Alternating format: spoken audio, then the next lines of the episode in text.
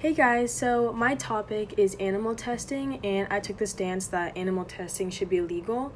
So today I'm hoping to give you guys some knowledge and facts as to why you not should not support animal testing. So some reasons why you should not support it is that U.S. laboratories, like just the U.S. alone, is responsible for 100 million um, animal deaths per year. And I'll get to some statistics later, but like a lot of those animals don't even end up working out and die. So 100 million like go to waste, and then the federal government is even supporting these laboratories by giving them 12 million dollars a year to go towards these laboratories and towards this animal testing when it ends up being very wasteful and um, they're giving money for cruel um, punishment to these animals. And then the most commonly tested animals include mice, bunnies, guinea pigs, um, uh, birds, fish, and then the most commonly used actually now is dogs, cats, and monkeys, which is super sad. And then there's Class A and Class B testing.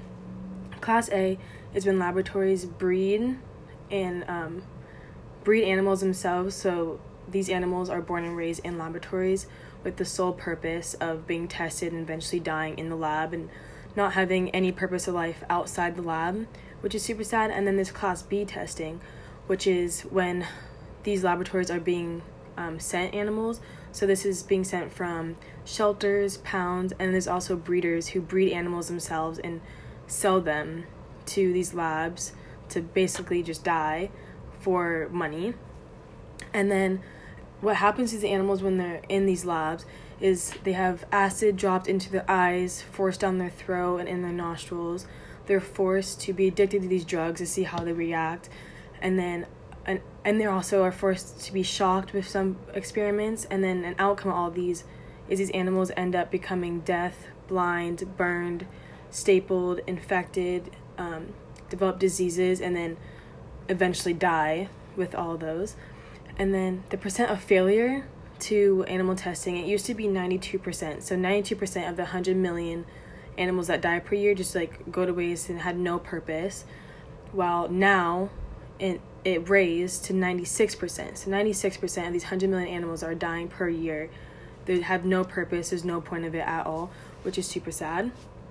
And then to be cruelty free, there's a lot of brands that actually do it, and they can either use in vitro testing, which is using human cells and human um, tissues, which is way more accurate, much less expensive, so much cheaper, and then um, a lot less time consuming.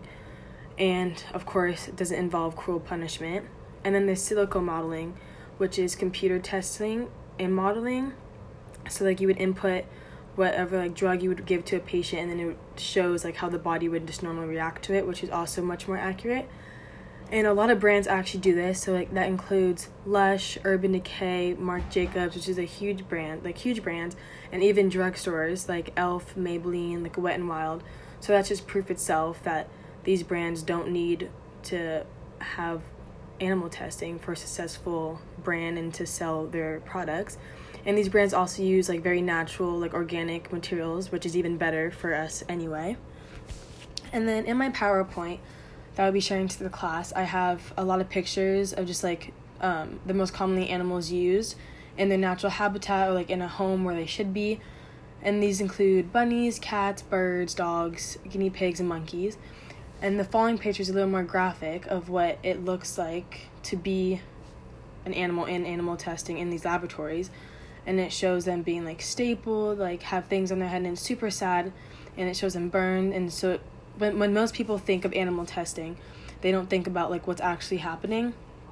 And so, I just hope that with all this information, I can, I was able to persuade you guys to not support animal testing.